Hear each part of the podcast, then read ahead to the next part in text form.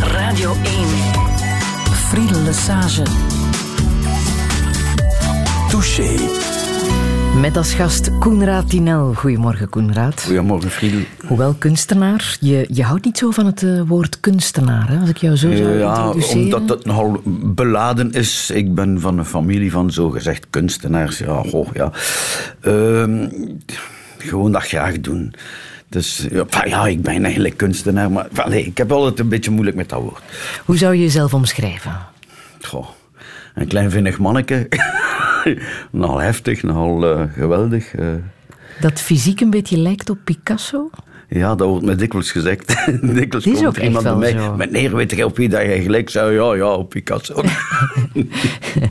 Ehm, maar dat, dat Spaanse, dat zit ook echt wel in jou. hè? Ja, je hebt wel ik heb langs mijn moeders kant Spaanse roots, Verhoor, en langs mijn vaders kant Italiaanse. Vandaar misschien mijn, mijn halfvinnig karakter, ik weet het niet. Ja, dat is een mooie verklaring. Ehm, je zegt van jezelf dat je beter kan vertellen met tekeningen dan met woorden. Hè? Dat is waar. Ik ben toen ik drie jaar oud was beginnen tekenen. En vermits ja, dat er in familie veel artiesten waren, mijn vader was ook beeldhouwer, werd dat zeer aangemoedigd en bewonderd. En eigenlijk ben ik blijven tekenen. Ja, nog altijd. Als ik het hè. uitreken, dan ben ik bijna, bijna 77 jaar aan het tekenen. Koenraad, we hebben elkaar zowat een jaar geleden al eens eh, gesproken Ja. in een radiogesprek. Maar er is het voorbije jaar een en ander gebeurd. En dat is de reden waarom ik je graag nog eens wou uitnodigen. Welkom in Touché. Dank. Let me take you round the bend. It's been a while, I've been myself. This is where it all began one day. This is where we went to school, right before the family moved. I couldn't help but feel that I'd bailed.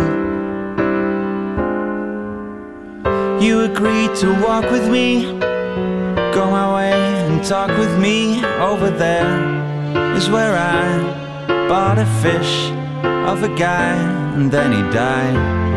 Not the fish, but the guy. Underneath a dying tree, she said, bandaging my knees in a grey ice craving knees. She saw me tumbling down the stairs. Take my hand, I'll walk you there. 'Cause after all, it's only memories. Mm. You agreed to walk with me, go my way and talk with me over there. On the right is where I once lost a fight to a girl over nothing at all.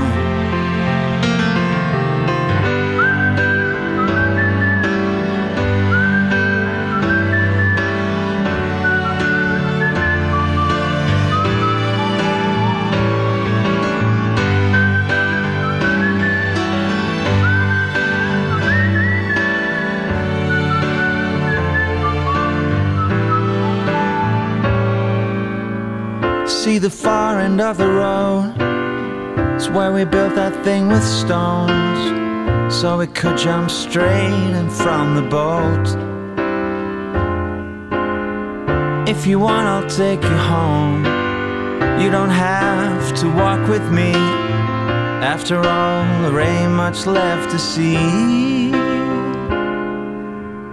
But if you have it in your friend, let me take you round the bend. This is where we first met way back when, back when, back when, back when. This is where we first met way back when. Radio 1. Touché. Koenraad Tinel, de gast in Touché. Een voorwerp dat heel erg bepalend is geweest voor jou in jouw leven, is de smeedhamer van jouw vader. Heb je die nog? Ja, ik, heb, ik werk daar nog mee en daar mag niemand anders mee werken. Ja, dat, dat is een, eh, een sentimenteel gevoel dat ik heb naar mijn vader toe. Ik heb met mijn vader het niet altijd zo gemakkelijk gehad. Eh, Gezien zijn gedachtenwereld, maar eh, Hij was een, een eh, correct en eerlijke mens. En uh, die naam, ja, dat heeft zoiets. Uh, dat is ook een voorwerp dat ik kan gebruiken. Ik heb hem zelfs hersmeed en hertemperd naar mijn goesting en een nieuwe steel opgestoken. Maar dat stuk ijzer, dat stuk staal, ja, dat is die naam. Ja, want die hamer moet ondertussen 100 jaar oud zijn. Ja, ja, ja, zou wel zoiets zijn. Ja, ja. Mijn vader was van 95, dus 1895. En... Ja, en ook toen mijn moeder stierf, ik wou niet erven. Ik, had, ik, had, ik vond dat niet zinnig erven. Wat moet ik gaan erven?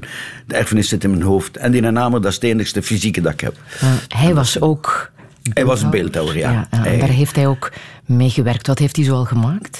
Oh, hij werkte vooral voor kerken. Uh, nogal religieus getinte dingen. Hij was zeer gelovig en, uh, en ja, en zeer flamingant. En hij maakte zo'n hal uh, beelden, nogal romantisch zo. Ja? Ja, ja, ja nogal uh, zo veredelde vrouwfiguren die geen vrouwen niet meer zijn. En dan uh, manfiguren op gedichten van Ferdinand Verknokken en zo van die Vlaamse dichters.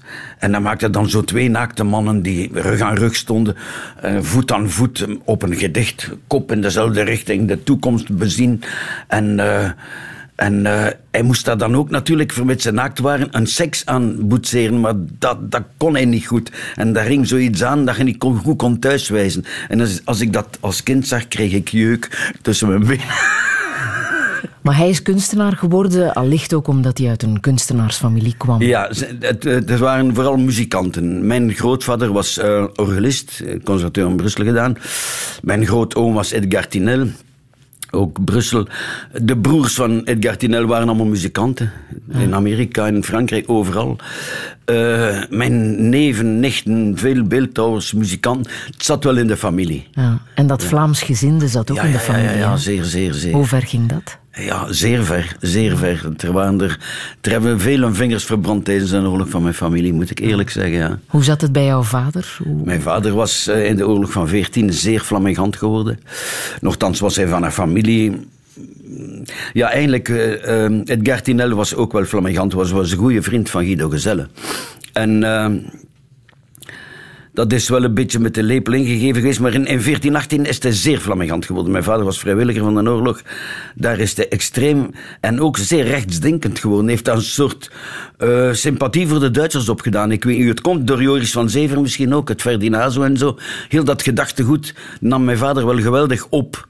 En, hij hebben elkaar daarin. ook gekend, hè? Wel, hebben elkaar ook gekend, ah, ja, ja, er werd zelf beweerd dat ik de zoon was van Joris van Zever. Want die liep een beetje achter mijn moeder. Maar dat is niet waar, hoor. Ik gelijk te goed op het tinels. Maar dat was de roddel. Maar het uh, zingen foto's van Joris van Zeven en zo, ja, ja. En dat Vlaamsgezinde van tijdens de Eerste Wereldoorlog heeft zijn gevolgen gehad tijdens ja, de Tweede Wereldoorlog. Mijn vader is zeer uh, nazi-gezind geworden, geloofde blindelings in Hitler. Zijn livre de chevet, zoals men dat in het Frans noemt, waren Mijn Kampf en de Bijbel. Dat las mijn vader dus.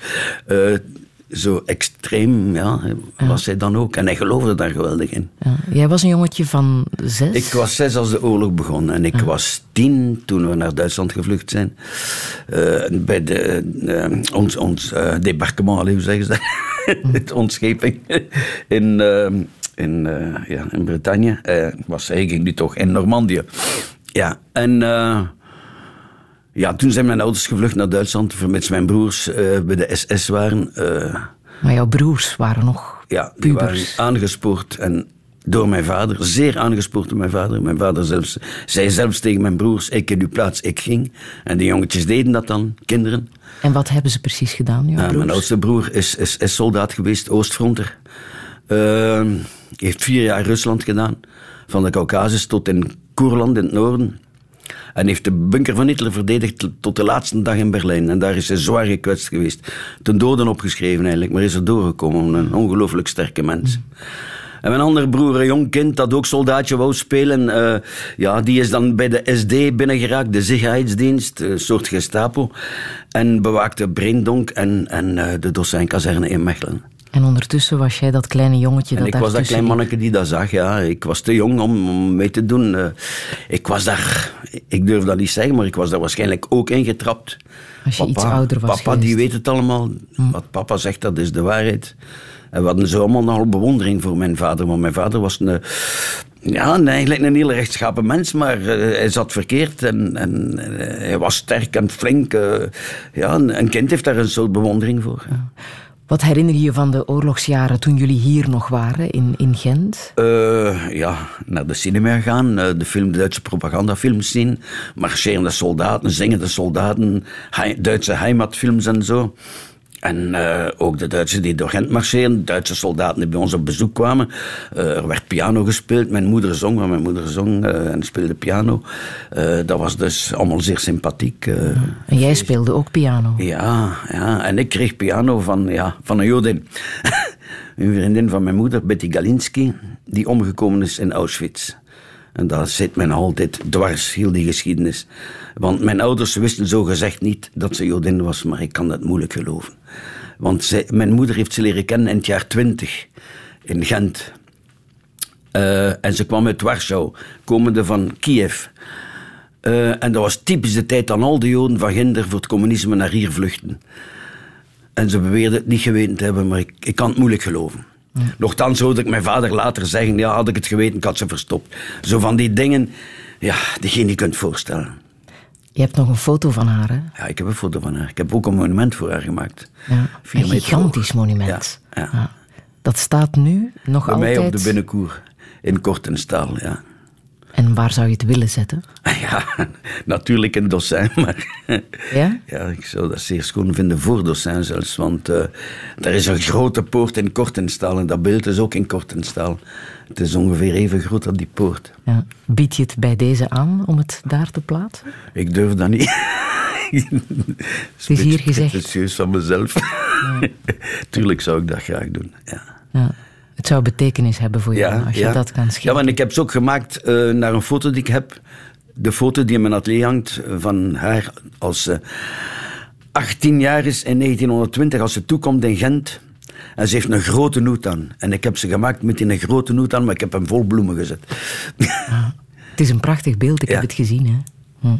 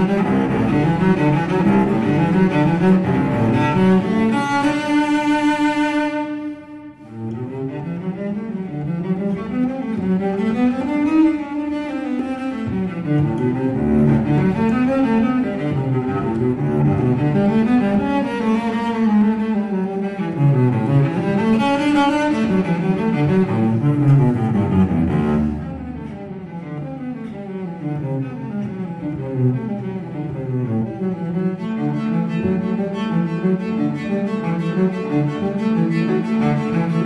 you.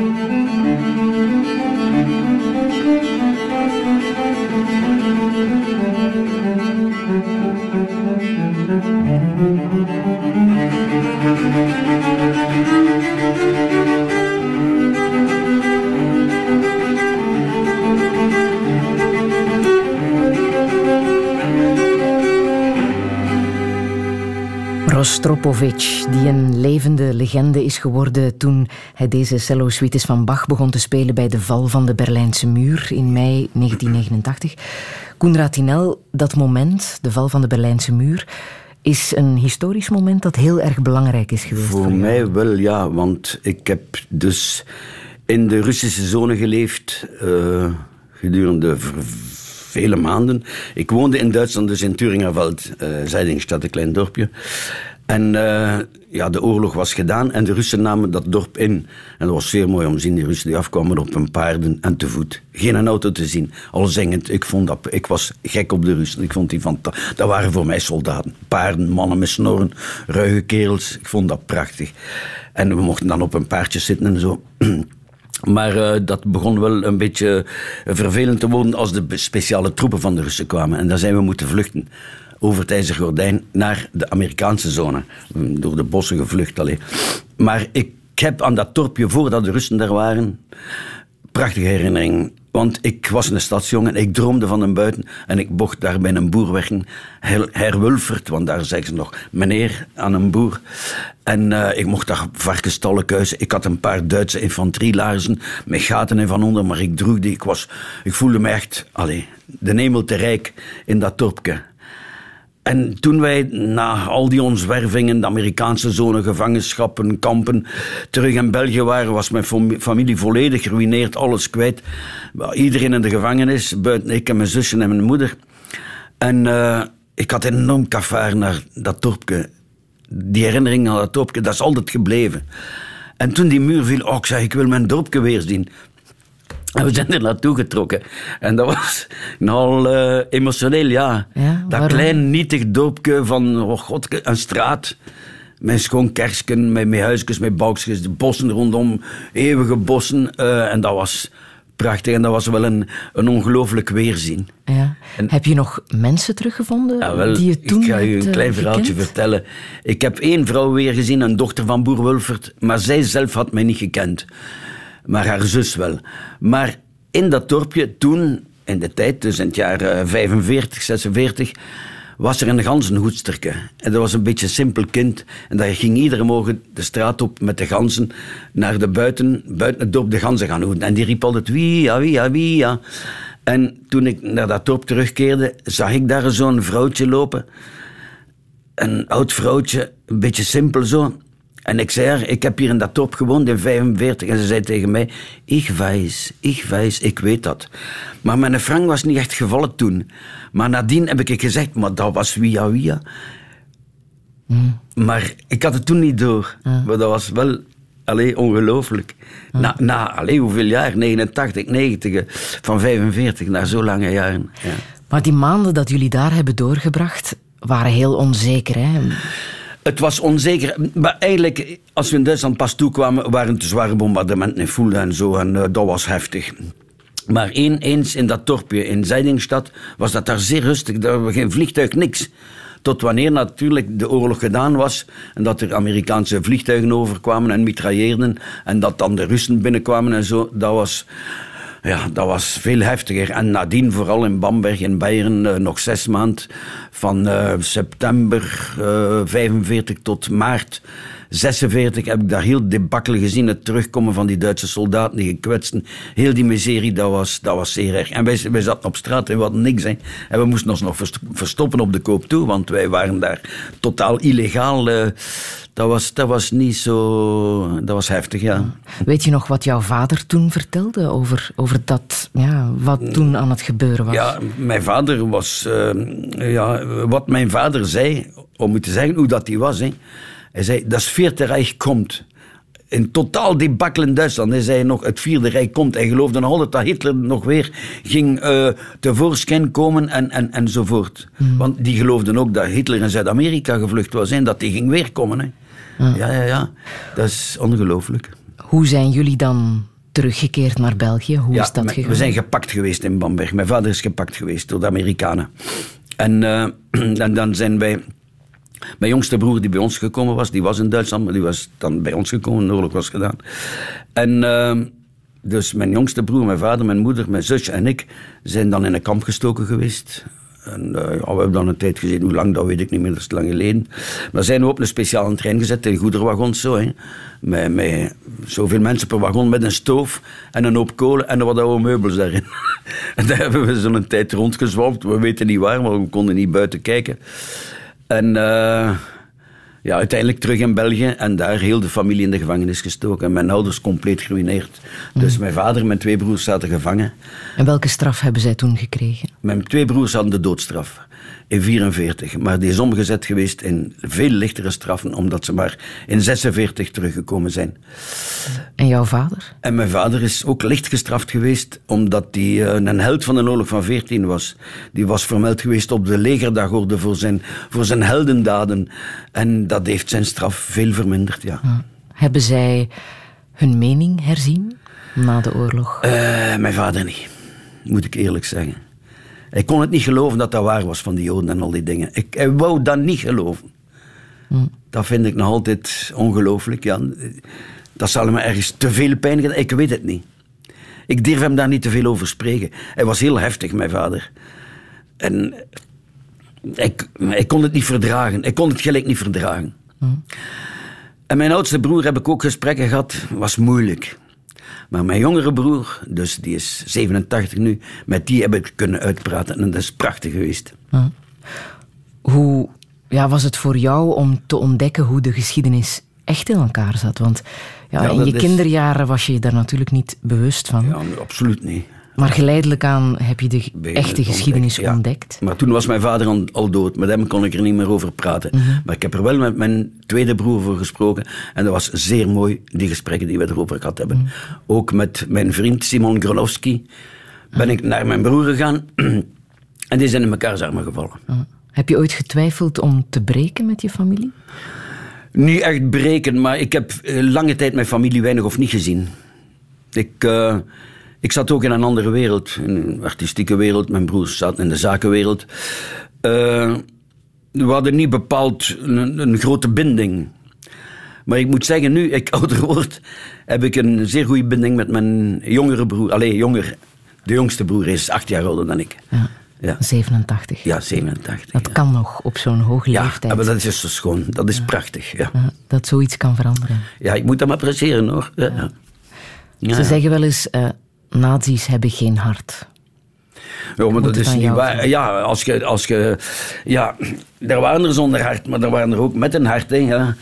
ja, ga dat maar uitleggen. Hè. Die gehoorzaamheid van die Duitsers, dat is ongelooflijk. Allee, maar ik zou dat niet mogen zeggen van een volk, want uiteindelijk het is niet dat volk, het zijn de nazi's.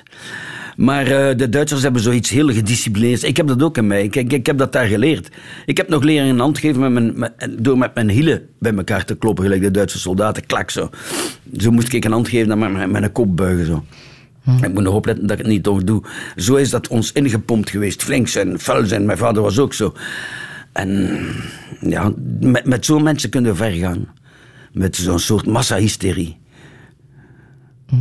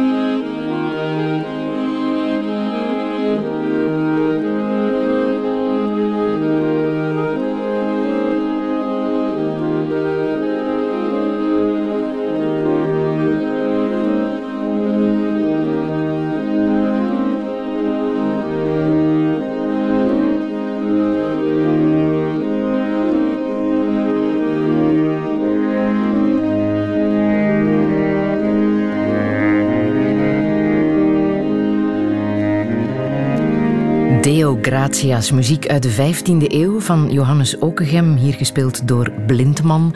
Het is muziek die jij wou laten horen, Koenraad Tinel, want het heeft betekenis voor jou, hè? Ik vind dat ten eerste zeer mooie muziek. Ik vind ook wat Blindman doet, Erik Schleichem met, zijn- met zijn groep. Eh, vier saxofonen. eh, ik, heb dat, ik ben bijna altijd gaan luisteren als ze optraden. Ik vond dat zeer mooi. En je hebt er ook een werk voor gemaakt, hè? Ja, maar ze, ze- ja, ja, maar ik ga eerst over de muziek iets zeggen. Ze spelen zowel moderne als heel nieuwe muziek als, als eh, oude muziek. En dat is zo mooi met die saxofoon. Ze doen dat zeer, zeer schoon. En toen heeft Erik mij op een moment gevraagd, wilt jij geen Athanor maken? Ik zeg, wat is dan een Athanor? Dat is de oven van de alchemist. Ah, dat inspireerde mij wel. En we gaan daar rond staan spelen, zegt hij, met vier met lang kleed en zo. En eh, dat wordt dan opgenomen. En dat is 33 stemmen of zoiets, ik weet niet hoeveel, maar boven de 30 stemmen. En dat wordt opgenomen en door ehm, luidsprekers die bovenop die Nathanor staan, uitgezonden. En zij spelen dan weer een stem. Maar zo hebben ze 33 stemmen met vier instrumenten. Of 34 of 32, het heeft geen belang. Maar het is indrukwekkend mooi om te horen en te zien ook. Dat groot meubel waar ze zo rond staan, ja.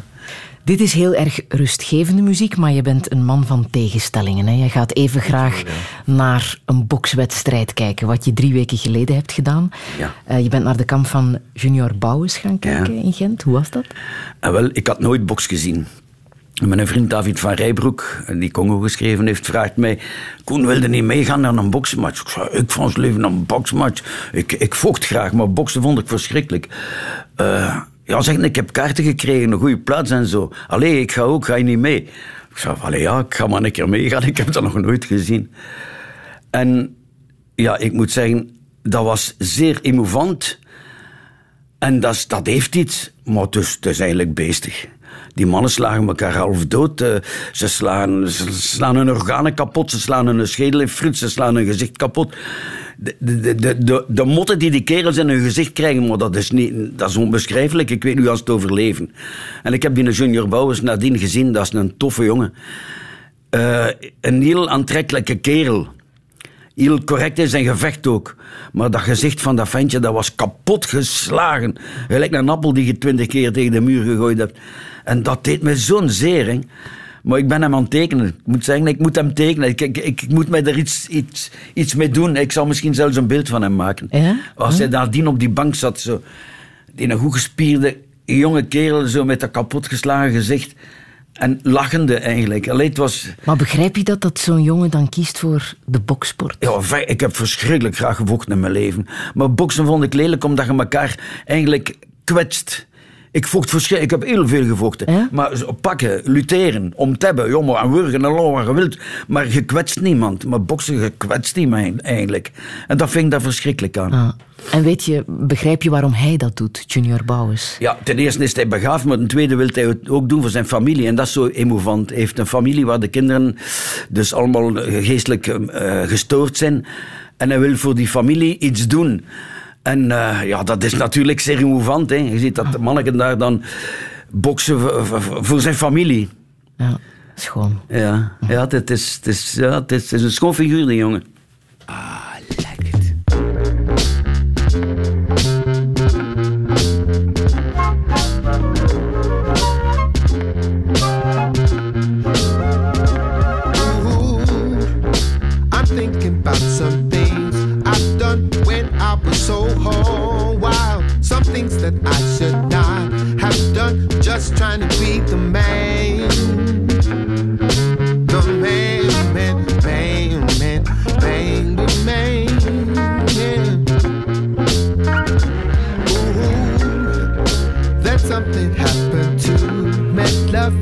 me to calm right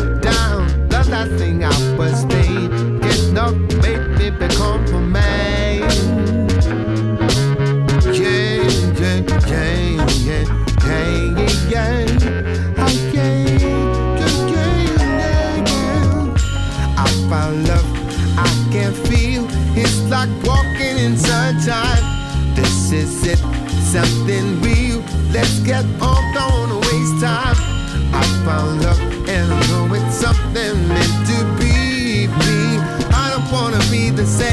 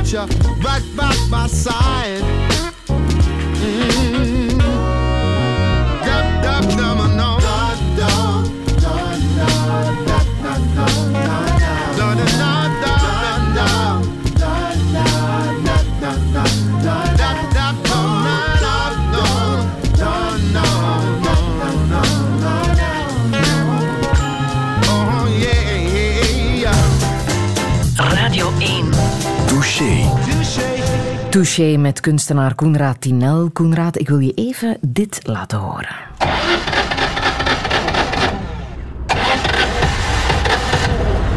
Dominique Sigo was klaar op zijn werk en tufte middags vrolijk naar huis. In zijn eigen geit, een deux chevaux uit 1980. In lichtgeel en felgroen met een extra koplamp op het dak en een knalpijp die eigenwijs omhoog steekt. En toen werd hij aangehouden, toen hij net van de rotonde afkwam. Een agent vertelde hem dat hij te hard reed. Te hard, zei Sigo, ik reed pas in de derde versnelling. En in de derde versnelling in een geit kan je niet te hard. Maakt niet uit, zei de agent, want het bewijs was onvermiddelijk, zei de agent.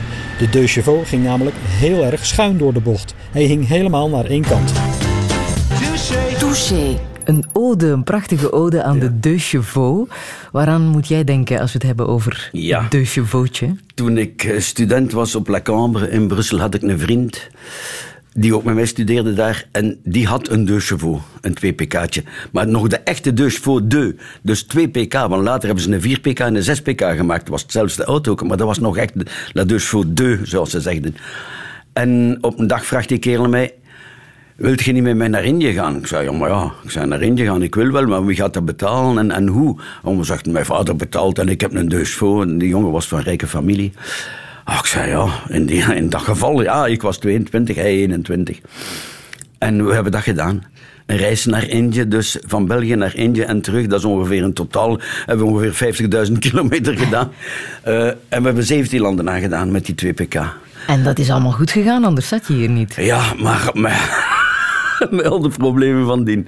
Dat houdt ook, och, dat kon daar niet aan eigenlijk. Want heel Iran, pas op, in 1956, hè, dat, het, is, het is 56 jaar geleden, 57 jaar geleden. Hoeveel landen moest je toen door? 17 hebben we er doorgedaan. 17. Ja, ja. En welke waren de moeilijke landen?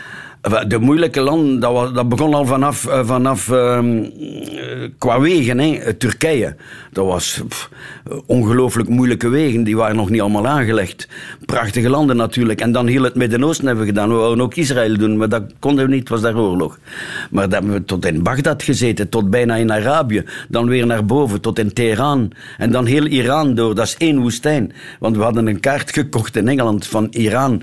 Zo'n klein kaartje. En daar stond één vol streepje op, 30 kilometer lang. En dat was de weg van het paleis van de Shah van Iran naar de Demavent om te gaan skiën. En voor de rest stonden er allemaal stippeltjes. En uitleg was Caravanways.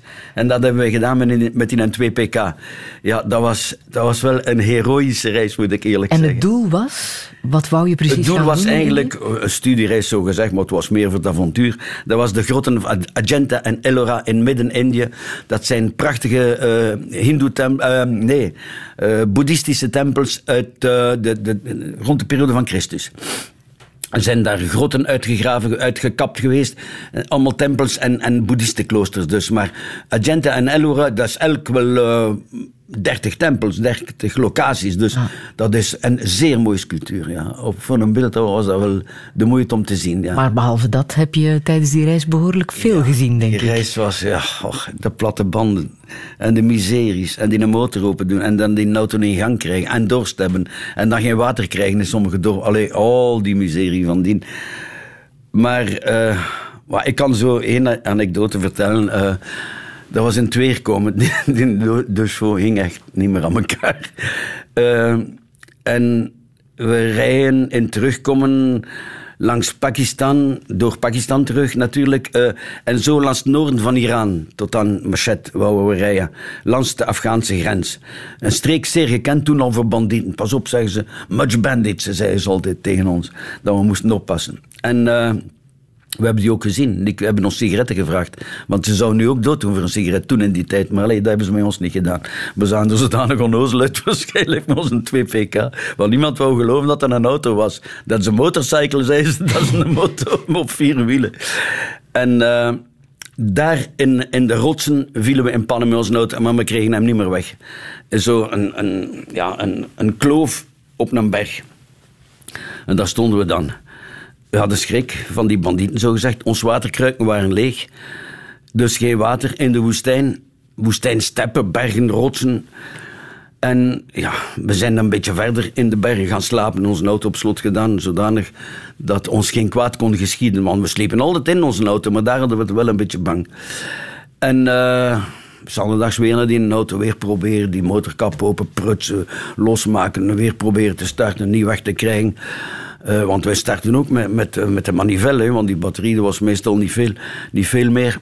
En eh, opeens, na een hele dag, hoor ik gronk van auto's. Zei, potverdikke, die gaan hier niet door als die langs hier passeren. Nee, want het was de enigste plaats. En ik stond zo met mijn armen open midden op de weg. Ik zei, die moet mij doodrijden, maar ze gaan ons helpen. En ik zie jeeps en legerkamions van het Amerikaans leger. Ik zei, potverdikke. Maar ik wist dat eh, Iran was toen bevriend met Amerika. En dat was een inspectietocht van het Amerikaans leger de gendarmerieposten die in de woestijn lagen, dus de Iraanse gendarmerie, dat waren primitief, normaal, die, die Amerikanen inspecteerden die posten. Dat was dus enkele camions. Een mama jeep, dat is zo'n grote, dikke, vette jeep, zo een soort camion, allemaal legertuig. Die, die, die karavaan stopt, springt dan een Amerikaanse major uit, uit zijn auto en eh, komt bij ons. Hi boys, I'm Major Big. Een, een Amerikaanse militair, een major. En uh, heb, je, geen dorst? ja, natuurlijk hebben we dorst. We hadden dus in een auto, frigo open, een doosje bier, zo fris bier. Dat was echt ongelooflijk voor ons. Want dat geen maanden niet meer gezien. En enfin, die mannen hebben ons dan aangehaakt met een ketting aan die mama jeep. Maar die chauffeur, ik weet nog altijd zijn naam, Hassan, dat was een, een, een, een Iranier. Die reed een gek door de woestijn. Op momenten 80 per uur. Met zo'n zwaar spul met een ketting. Met dat klein deusvoken erachter. En dat deusvoken zwiepte er echt achter. En wij hadden maar met dat toetertje. Uit, uit, om te vragen vertraag. Maar uw vent hoorde dat niet op het moment remt hij voor de put. Patat, wij vliegen daarin. In die mama jeep. Allee, helemaal kapot van voor. Ja, dan hebben ze uh, een camion, een vrachtwagen van een commerciële vrachtwagen die het daar ook toevallig passeerde tegengehouden, die een twee pk erop gezet en meegevoerd tot in Machet om hem te laten repareren. En, en daar, met diezelfde De Chauveau toch nog thuis ja, ja, ja, maar vandaar hebben we die De Chauveau met een trein tot naar Teheran moeten doen. En daar konden ze maar pas repareren, want ze kenden dat daar niet. Ze kenden daar alleen oude Amerikaanse wagens. Dat was heftig, ja. In hoeverre heeft die reis jouw verdere leven bepaald? Ja, wel, dat is altijd een ongelooflijke herinnering geweest. Ja, ja, je leert op je tanden bijten. Hoor. Ik moet eerlijk zeggen, want mijn kameraad ging er soms een keer door, moreel. Ik niet. Ik, ik hield stand. Is dat iets wat je ook zou aanraden aan, aan jonge mensen? Oh, dat, Doe is, dat, dat is zeker een- goed. Als je geen accidenten of, of, of geen lelijke dingen tegenkomt die je best niet tegenkomt, dat, dat doet goed aan een jonge kerel. Ga reizen. Ga Ja, ja, ja, ja, ja, ja. En of, ja, ja. Want we hebben... goh, mag ik nog iets vertellen, een kleinigheid? Ehm, op datzelfde moment, eh, die dingen, eh, werden we daar uitgenodigd bij, bij een, een militair, zijn vader, in uh. We moesten daar gaan eten. Maar ja, dat zijn Mohammedanen allemaal en al de vrouwen lopen daar gesluierd. En wij gaan daar naartoe, we worden daar uitgenodigd. En de mannen eten op één plaats en de vrouwen op een andere. Maar de deur werd open gedaan door een meisje, helemaal in het zwart gesluierd. Juist daar zag je. Niet aanraken, uh, dag zeggen en binnen. Maar die, die mama jeep stond daar voor de deur. En ze zei, moesten we nu een keer een, uitstapje doen, een zondagsuitstapje zoals wij doen, naar de bron van Meshet. De bron die Meshet van water voorziet. En dat was op 50 kilometer vandaan, in de woestijn, een grote bron. En wij allemaal in die mama jeep, de familie van voor, moeder, vader en zo, en uh, een paar militairen. En van achteren in een bak vlogen twee meisjes en wij twee. En wij zaten daar met zo twee gesluierde zwarte spoken en wij. En in een auto was nog pas vertrokken, die sluiers af en die meisjes begonnen voor ons te zingen. Dat was dus ongelooflijk, in die tijd. Maar er was dus een familie, er was een advocaat, er waren, alleen, er waren zo'n beetje de betere klasse. En dat was wel eh, ongelooflijk, enfin, als herinnering, ja.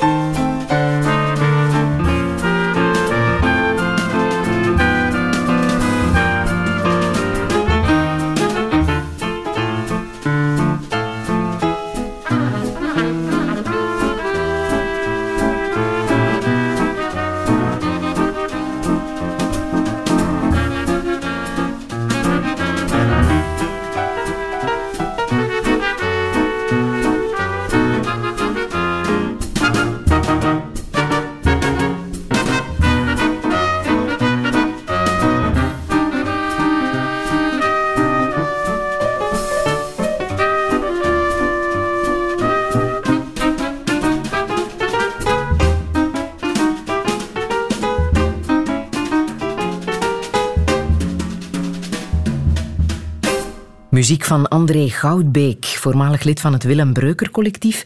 Speciaal gecomponeerd bij de Amerikaanse documentairefilm Nanook of the North uit 1922. De eerste documentairefilm ooit gemaakt van Robert Flaherty. Uh, Koenraad Tinelt is een documentaire die bij jou grote bewondering heeft uh, teweeggebracht. Hè? Ja, uh, toen ik op La Cambre studeerde, uh, kregen we een cursus filmgeschiedenis. En die was zeer goed gedaan, zeer goed gegeven. En daar heb ik die film leren kennen eerste keer gezien. Het is een zeer ouderwetse film nog, een zwart-wit, bibberig zo. Maar die heeft mij geweldig aangegrepen, dat leven van die Eskimo met zijn familie.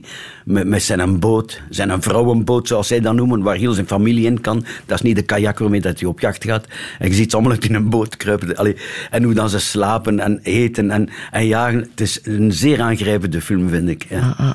En, en was het ook echt een documentaire film? Want er is wel, achteraf wel heel veel gezegd Ja. en geschreven daarover. Hè? Ik heb horen zeggen dat het eigenlijk een, ehm, een publiciteitsfilm was voor pelsmantels. Ja, want Ja. die Eskimo's die jaagden beren en, en, en vossen en, en zo van die dingen. En dat waren de mannen die ze moesten hebben voor pelsen. Ja. Maar hij is wel zeer schoon, die film. Hij is prachtig. En, en wat intrigeert jou dan zo? In, Oh, dat in- leven. Ja, ik moet zeggen, ik, antropologie is iets aan mij... Hoe de mens leeft, hoe de mens zijn plan trekt, dat is iets aan mij geweldig. Ik heb daar heel veel boeken over gelezen. Niet wetenschappelijk, maar hoe leeft de mens? Hoe trekt een mens zijn plan? Dat, dat, is iets dat me geweldig boeit. Ik ben zelf een beetje een pionier. En dat boeide me zo aan die film. Daar, daar gebeurt niks speciaals. Hè. Ze gewoon in een Eskimo. Die een, je ziet hem een igloo bouwen. En je ziet er hem een raam in steken. Van ijs, dat hij mooi afwrijft, zodanig dat hij licht heeft binnen. En met zijn groot mes, hoe dat hij die blokken kapt en, en metst. Allee, ja, met bij sneeuw. En hoe dat met zijn familie erin kruipt en zijn honden. En, allee, dat, ik, ik, ik snoep daarvan, van zoiets, moet ik eerlijk zeggen. Ja, in hoeverre zit er ook zo iemand in jou? Ah, wel, mijn huisgenoot Dirk zegt soms tegen mij, dat is hier Nanook Leskimo. Omdat jij ook altijd zit te knutselen. ja, ik en- ben eh, een beetje de pionier, ja. Ja, op welke manier dan? Oh, aan mijn huis ook. Ik werk aan mijn huis. Ik werk, eh, oh, bijvoorbeeld een slot dat kapot is, ik maak een ander slot. Ik maak een slot. eh, ehm, een keukenrobot die kapot is, ik, ik maak die. Ni- Niet, niet elektrisch, hè, maar de metalen stukken, ik maak er andere. Dan moet ik geen nieuwe kopen. Dat is nu uit Giergoed, hè, maar ik vind dat gewoon schoon. Met je poten werken, zelf je plan kunnen trekken. Ja.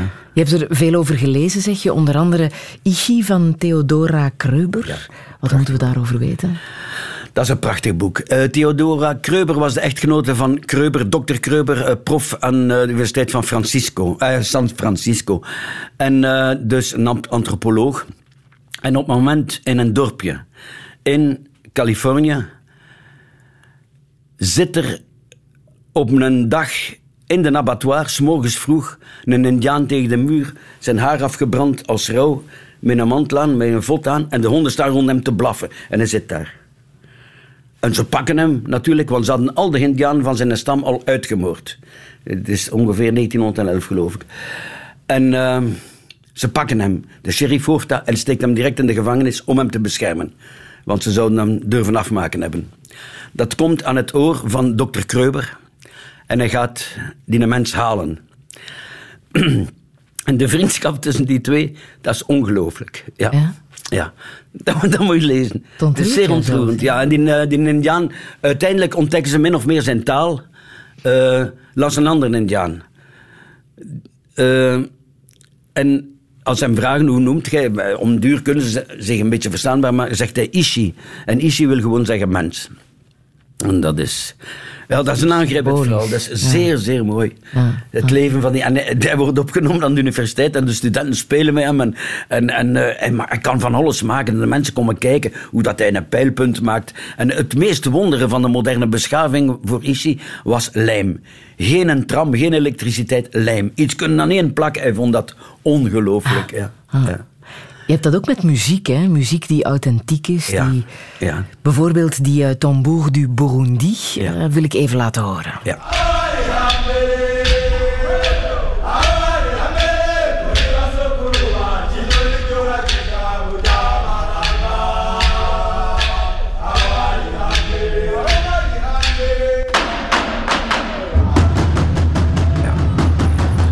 Zo zijn ze vertrokken. Wat, wat, wat, vind je daar zo prachtig aan? Oh, dat is zodanig diep uit de mens en pens gekomen. Hè. Ja, eh, dat is zo echt. Dat is zo echt. Dat is van die mensen.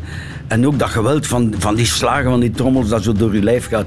Ik, ik hou niet van amusementsmuziek en zo van dat goedkoop eh, gedoe, maar dat, dat, dat, komt het diepste van de mens, vind ik. En ik vind dat ook schoon om naar te luisteren. Die slagen, dat is, dat is zeer eenvoudig. En die ritmes veranderen bijna niet. Hè. En dat, je kunt daar zo, ik kan daar een uur naar luisteren.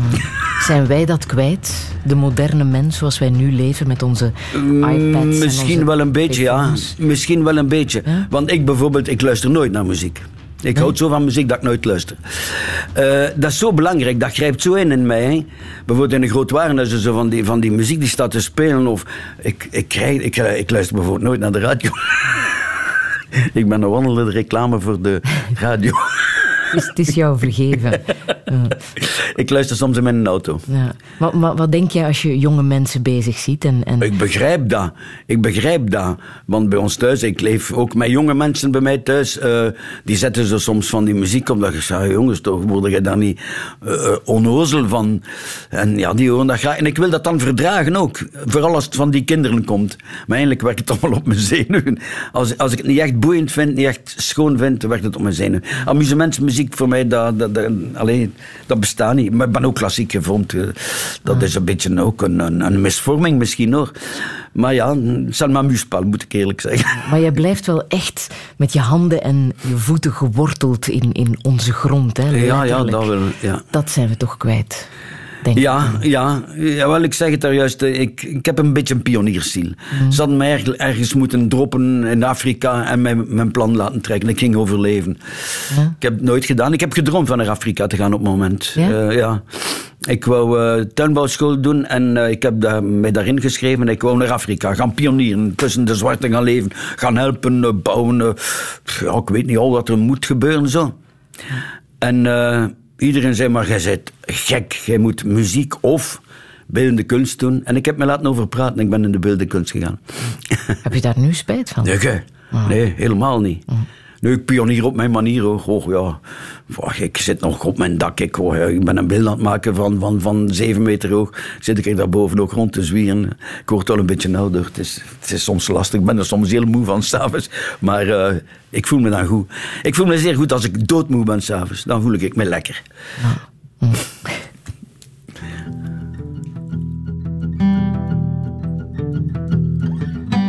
يا ليلي لما تطول حرك ذكرى المحبوب. أحيلي عطر حبيبي أشبه بعطر العود.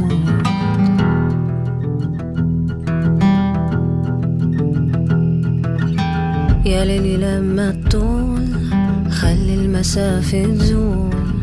بلغ شوقي لحبيبي من لمسته محروم.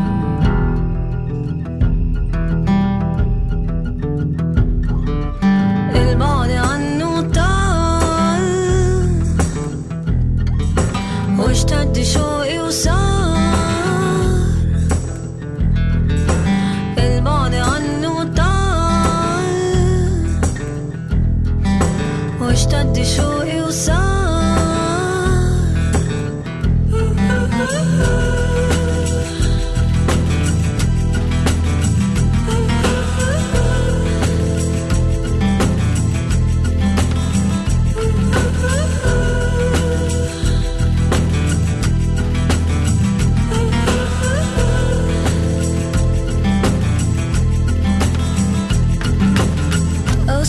صوته حبيبي.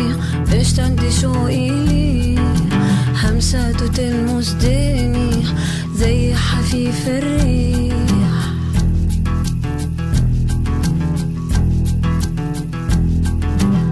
يا ليل الهم يا حبيبي أتمنى لو تغري وصل صوتي لحبيبي أشواقي تنادي. يا ليل الهم يا حبيبي. أتمنى لو تغري. وصل صوتي لحبيبي أشواقي تنادي البعد عنه طال واشتد شوقي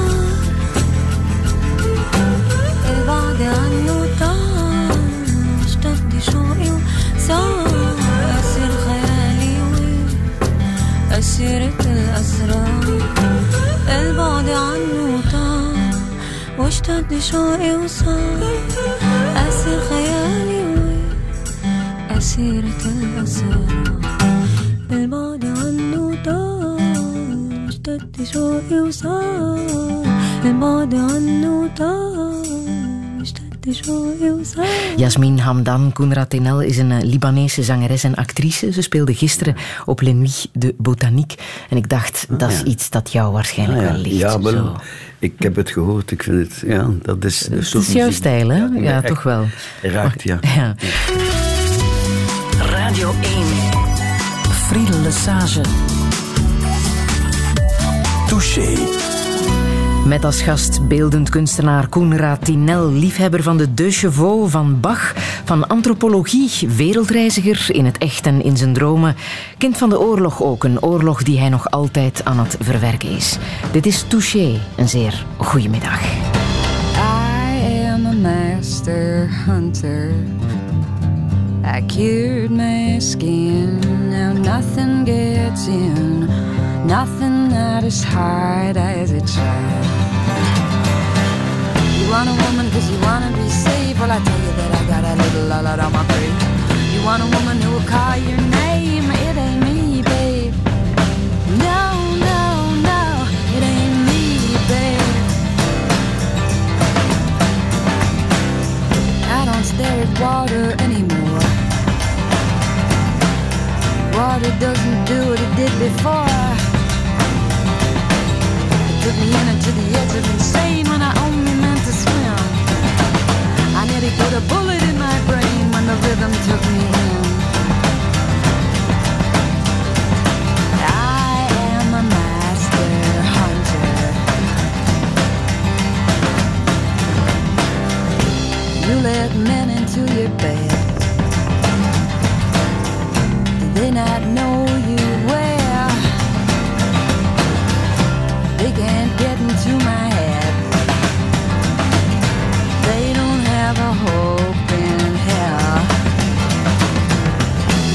Is, we are so alone. There's nothing we can share. You could get me on the telephone, but you won't keep me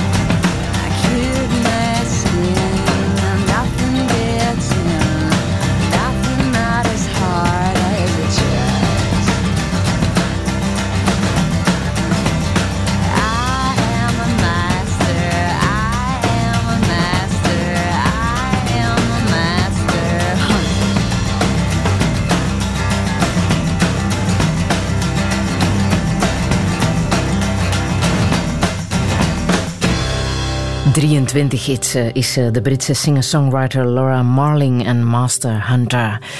Koenraad Tinel, je bent een kind van de oorlog, zei ik zo net, maar niet zomaar een kind van de oorlog. Je vader was oud-strijder tijdens de Eerste Wereldoorlog, sloot zich tijdens de Tweede Wereldoorlog aan bij de SS, het leger van eh, Nazi-Duitsland. Zelf was jij te jong om zijn spoor te volgen, maar je twee oudere broers hebben dat wel gedaan. De een verdedigde de bunker van Hitler, de ander bewaakte kazerne Dossin in Mechelen. Het is een verleden dat je al 70 jaar met je meedraagt. Hè? Ja, ja.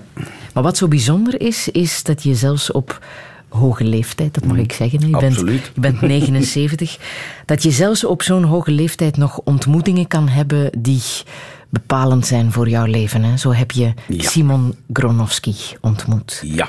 Hoe bijzonder was die ontmoeting? Ik ga u kort vertellen hoe ik hem kende eerst.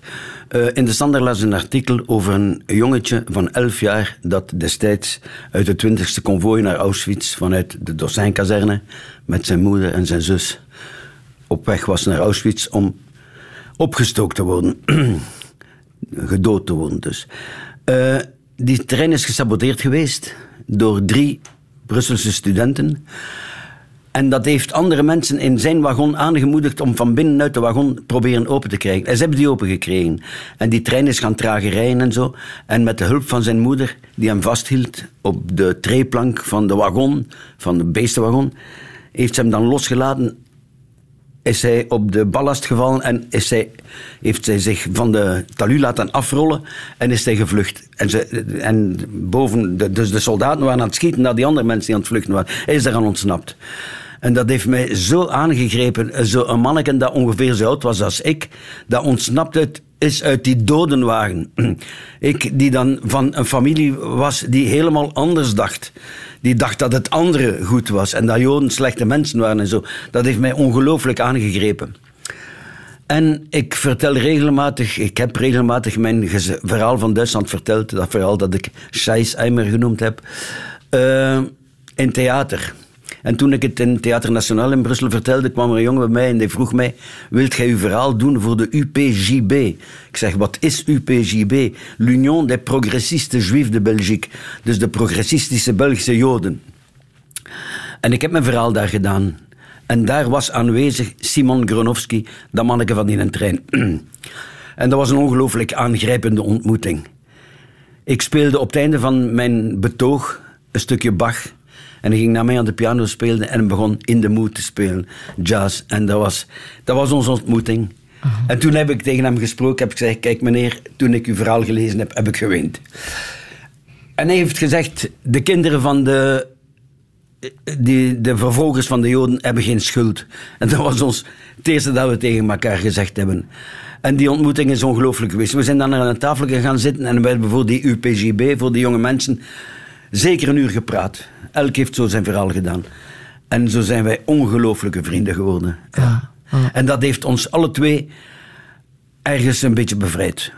Ik van dat jodenkind te kunnen kennen en graag te kunnen zien, komend uit een familie waar al joods slecht was. En hij van dat nazi-jong te leren kennen, dat zegt, hé, hey, jij bent mijn kameraad. Hè? En dat was zeer schoon, dat was, ja, dat was prachtig. Ja. Zijn verhaal is zeer hard. Hij is er zowat als enige Ja. eh, Ja. eh, overlevende uitgekomen. Hij had ook nog een zusje, een oudere zus. Zijn Ita. zus is ook omgekomen. Ja. Hij heeft daar brieven van bewaard. Brieven die heel erg eh, schrijnend zijn. Hier leest hij een van die brieven voor die Ita, zijn oudere zus, aan hem schreef. Moi, je suis déjà cinq mois ici. Te rends-tu compte? Toujours écouter les colis. Attendre le soir, le courrier qui ne vient pas. Espérer une- lettre d'un petit frère paresseux qui oublie si vite. Tu as donc déjà oublié que tu avais une sœur quelque part en Belgique. Il, y a, longtemps, j'ai plus lu cette lettre. Quelque part en Belgique, emprisonné sous les boches. Quand reviendront ces temps heureux? Je t'envoie mes plus tendres baisers, toute ma tendresse de sœur, à qui son son petit frère manque terriblement ton Ita. Ita, die al vijf maanden vastzat en dacht dat haar broertje haar helemaal vergeten was. Een brief die Simon Gronowski ook al enige tijd niet meer gelezen had. Ja. Het eh, Ja. raakte hem nog altijd, uiteraard. Konden jullie daar met elkaar over praten? Wat jullie... Ja, ja. Hij had een ongelooflijke bewondering voor zijn zus. Hij had maar die zus. En die was een jaar of vijf ouder, geloof ik. Ja, zij was van 24, gelijk mijn oudste broer. En hij was, is van 29, eh, 31. Ja. Enfin, eh, zwart, ehm, ik weet het niet juist. Maar eh, hij had een enorme bewondering voor ze. Die studeerde zeer goed. En die studeerde zeer goed piano ook. En door haar heeft hij, is hij ook zelf beginnen piano spelen, zonder leraar. Zonder leraar beginnen jazz spelen, want zij hield ook van jazz. Want dat was de muziek van de vrijheid. Bij mij thuis was jazz... Was,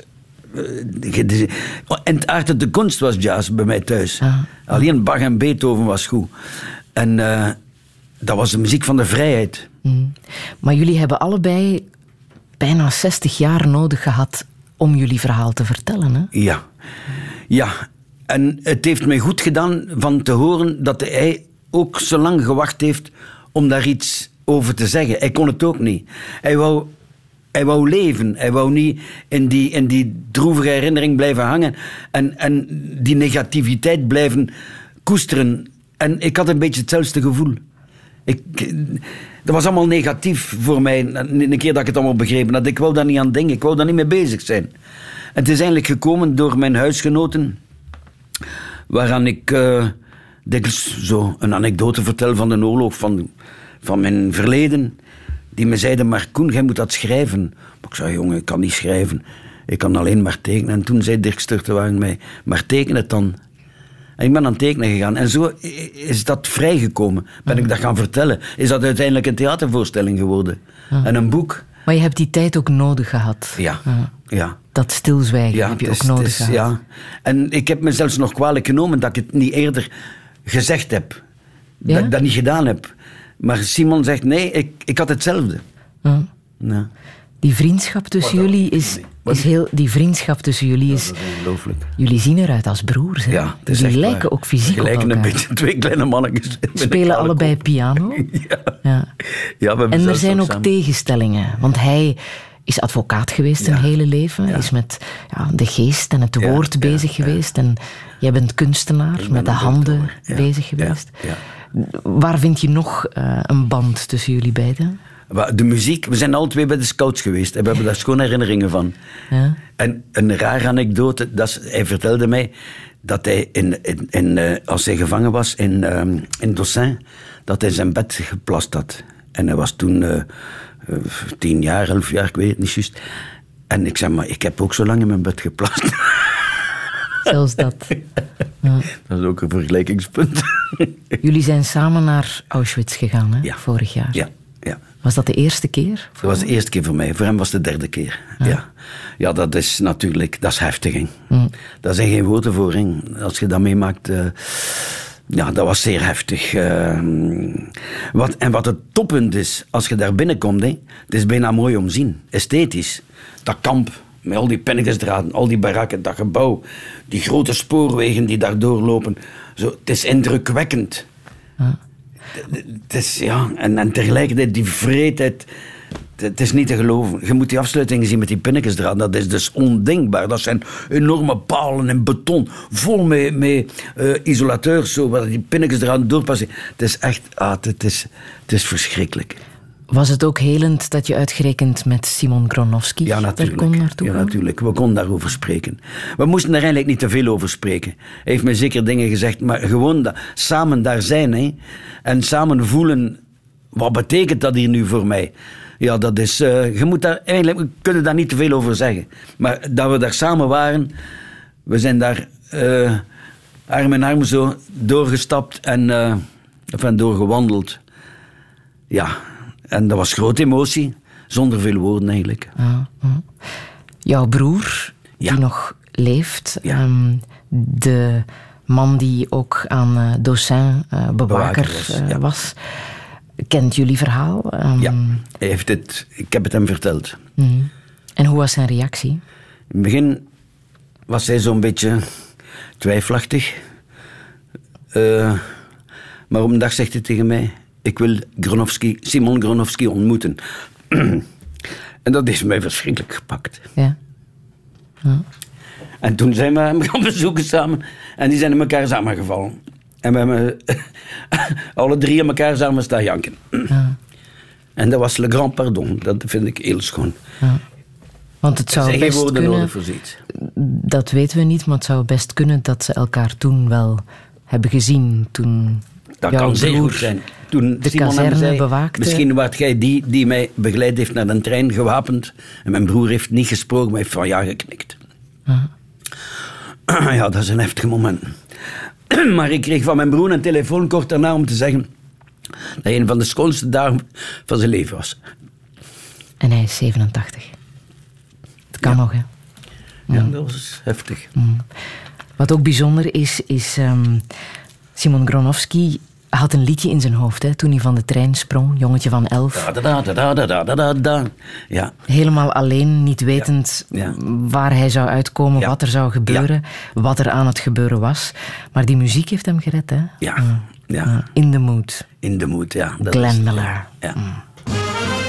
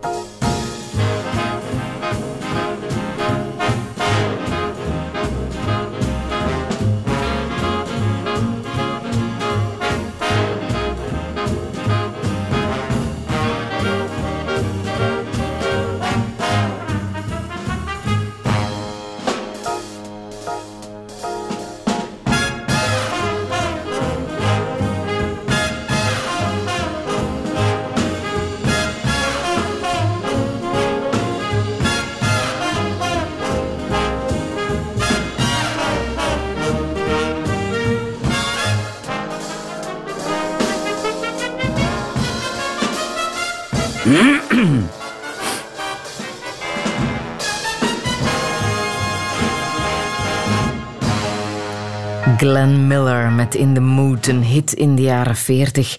En de melodie die Simon Gronowski heeft gered toen hij door de velden aan het lopen was en de trein naar Auschwitz kon eh, ontvluchten. Muziek die bij jullie familie niet binnenkwam, hè?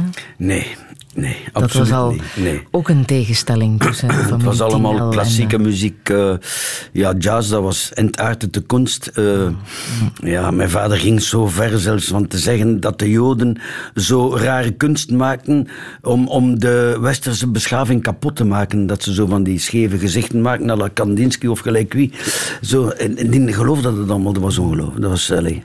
Het feit dat jij nu jouw verhaal vertelt over dat zwarte verleden van je vader en je broers, heeft heel wat reacties al losgemaakt bij mensen die gelijkaardige dingen hebben meegemaakt. Ja. Wat heb je zo al te horen gekregen? Ach god, ja, veel mensen die gelijkaardige dingen meegemaakt en die zeggen, en die losgekomen zijn. Oudere mensen, lijkt ik, en die dat dan horen samen met hun kinderen, die dan vijftiger zijn of zoiets. En die kinderen die me dan zeggen, kijk, mijn moeder is in één keer van alles gaan vertellen van de oorlog, of mijn vader. Dat wij niet wisten. Die, dat, is, dat is losgekomen. En dat heeft die mensen in zekere zin ook een beetje bevrijd. Ja. Ik wist niet dat dat... Ik moet eerlijk zeggen, ik heb nooit gedacht dat dat zo'n impact ging hebben, mijn verhaal. Want ik heb mijn verhaal van Duitsland getekend, eerst gewoon weg. En zonder meer. Ik wou gewoon het verhaal vertellen van een kind dat een oorlog meemaakt. Zonder, zonder aan politiek te gaan doen. Niks. eh, Alleen een kind ziet een oorlog. Ja, dat zijn Russen en Duitsers en Amerikanen en zo. Maar een kind leeft een oorlog mee, bombardementen en zo. Maar dat verhaal heeft een staartje gekregen. Ook door Simon te leren kennen. En ik zie nu dat het goed was. Want ik wist het niet dat het goed ging zijn. Ik, had er bang, ik was er bang voor. Ja. En het is nooit te laat. hè. Ja, voilà. Ja. Ehm, ik heb jou bij onze vorige ontmoeting een, een boek gegeven. Ik dacht dat je het al zou gelezen hebben, maar dat was niet zo. Jonathan Littell en de Welwillenden. Het verhaal van een kampbewaker. eh, Ja. Ook de andere zijde Ja. in het eh, oorlogsverhaal. Op welke manier heeft dat boek jou nog iets bijgeleerd? Dat heeft mij enorm veel verduidelijkt. Maar op de koop toe is dat boek ongelooflijk goed geschreven. Het is een kanjer, hè? 1400 bladzijden. Ik heb het in het Frans gelezen, de oorspronkelijke taal. het is zeer goed geschreven, maar ook die, die, die, die kerel die hij beschrijft, die een cynische kerel. En die tegelijkertijd een mens is met cultuur, met smaak voor kunst, voor architectuur. Ik kan zo vertellen dat hij daar in die landen rondloopt, dat de architectuur bewondert, dat hij naar Bach luistert, dat hij... Een cultuurmens eigenlijk. En eigenlijk een afschuwelijke kerel, een hedonist, een... een, een, een, een, een, eh, hij, ergens een vieze vent ook. En soms, als je dat boek leest, hebben ze van mensen zeggen, ja, dat is eigenlijk toch... Hè, hij doet daar wel goede dingen, hij doet die joden proper dood. Allee, het is, het is verschrikkelijk. Het is eigenlijk een verschrikkelijk boek, maar het is zeer leerrijk. Ga jij in, in alles op zoek naar dat, om dat verhaal te verduidelijken in boeken, in, in kunst? Dat moet toch iets zijn dat je telkens weer Ah, wel, ik heb lang niks willen lezen over de oorlog, nog over de jodenvervolging. Ook geen films zien. Ik wou dat allemaal niet zien. Ik wou het niet weten. En nu, doordat allemaal, dat dat allemaal losgekomen is, ben ik veel aan het lezen over die dingen. Ja. Ah, ah. Een van jouw favoriete kunstenaars, Joseph Beuys, heeft Ja. ook een discutabel oorlogsverleden. Ja, hij was eh, piloot in het Duitse leger. En eh, ja, ik vind een zeer grote kunstenaar. Ik ben absoluut geen, eh, geen een, eh, hoe noemen ze dat, een, oh, noemen ze dat, like boys, zo'n artiest, een, ik kan het niet zeggen. Enfin, ik werk heel anders, maar ik apprecieer enorm zijn werk. Enorm. Ah. En dat oorlogsverleden, hoe zit dat precies in elkaar? Wat, Van wat, Boys, ja. dat weet ik niet goed. Hij is gevallen met zijn, met zijn vliegtuig en hij is eh, bij elkaar geraapt geweest door eh, mensen ergens in het zuiden van Rusland. Ik weet niet juist waar, een van die Zuid-Russische landen, Kazachstan of zoiets. En eh, ze hebben hem daar gered door hem met, met, met te smeren en zo. En, en ja, en hij werkt daarmee, met die herinnering, die oorlogsherinnering. Maar hij doet dat op zo'n sublieme manier. Ik heb van die event dingen gezien waar ik van op mijn gat val, zoals we dat in het Vlaams zeggen. Ja, dat is een zeer grote meneer voor mij. Het verhaal gaat ook dat die vilten hoed die hij altijd voilà. op heeft, Ja, de een plaatje en- zou wegstoppen dat in zijn hoofd zou Ja, zitten. ja, dat, eh, ja, ja, ja. eh, of het waar is, weet niemand. Ja, dat weet ik ook niet. Ja. Ah, ah. Maar eh, steunt jou dat ook in de gedachte dat zo iemand ook daar kunst mee gemaakt heeft? Ah met ja, natuurlijk. Natuurlijk.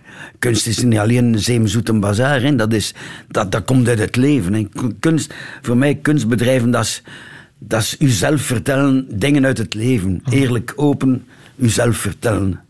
Dit is wat Joseph Beuys zegt over kunst. Diese politische Aktion ist äh, jetzt nicht zu verstehen wie eine politische Aktion außerhalb der Kunst, sondern mein Revolutionsmodell, nennen wir es einmal so, geht aus von der Kunst, von der Kreativität und Selbstbestimmung des Menschen. Nun muss man dazu die Formel nehmen, jeder Mensch ist Künstler. Also, dass die Selbstbestimmung möglich ist, dass man also eine Herrschaft, eine Scheindemokratie abschaffen kann, wenn jeder Mensch äh, Gebrauch macht von seiner Selbstbestimmungsmacht, die er hat und die ins Spiel bringt. Touché. Joseph Beuys, ehm, je moet ervan uitgaan dat elke mens kunstenaar is. En jij Ja, zit maar dat zegt te knikken. Ja? Ja, ja, ja, ja. Maar eh, ja, ik, ik weet niet. Ik, ik- eerst wist ik niet goed wat die kerel uitstak. En eh, ik heb hem eigenlijk een beetje toevallig er dieper in gegaan door een boekje van hem te vinden met tekeningen. Zo prachtige tekeningen. Jongens toch, en ik was direct vertrokken voor die kerel. Ja. Maar je koopt je vrijheid door kunst te maken? Moet ik het zo zien? Ja, dat is, dat is een vorm van vrijheid. Hè. Kunstbedrijf, absoluut. Dat is een grote, vo- voor mij toch, hè. dat is een grote vorm van vrijheid, ja. Je kunt je verhaal doen, je kunt je, kunt, eh, je, kunt je verhaal kwijt. Ja, ja, voor mij wel. Maar ik wil niks bewijzen, hè, maar ik heb nood aan, aan mijn verhaal te doen. En meer is het niet. Dat is een nood, een nood aan mee te delen, eigenlijk, denk ik. Denk ik hoor, want ik, ik voel me geen theoreticus, helemaal niet. Maar eh, een tentatief de communication, zeg ik dikwijls. Een proberen van mee te delen. Up in the morning, out on the job. Work like the devil for my pay. While that lucky old sun has nothing to do but roll around heaven all day. force with my men. Tired of my kids. Work till I'm wrinkled and gray. While that lucky old sun nothing to do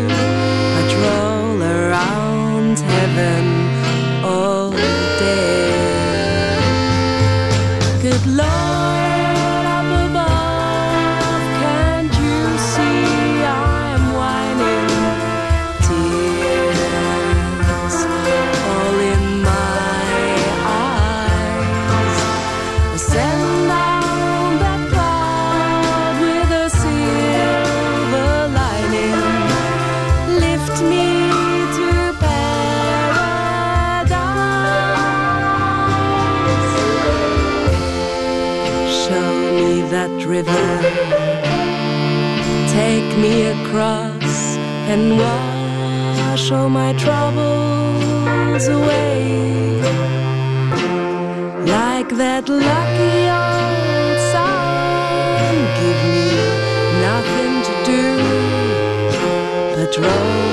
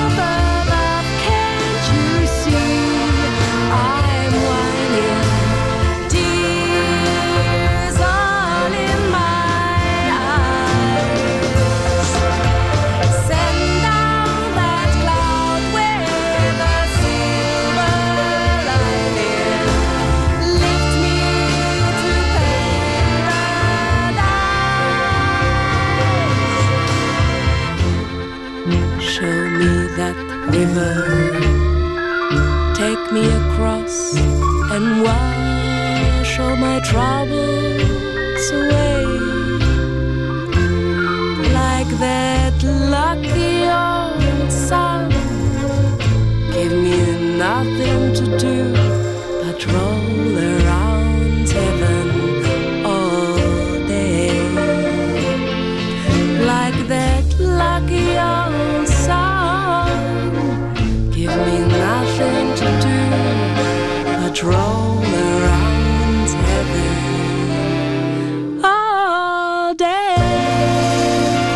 Earth Society en Anja Kowalski met Lucky Old Sun.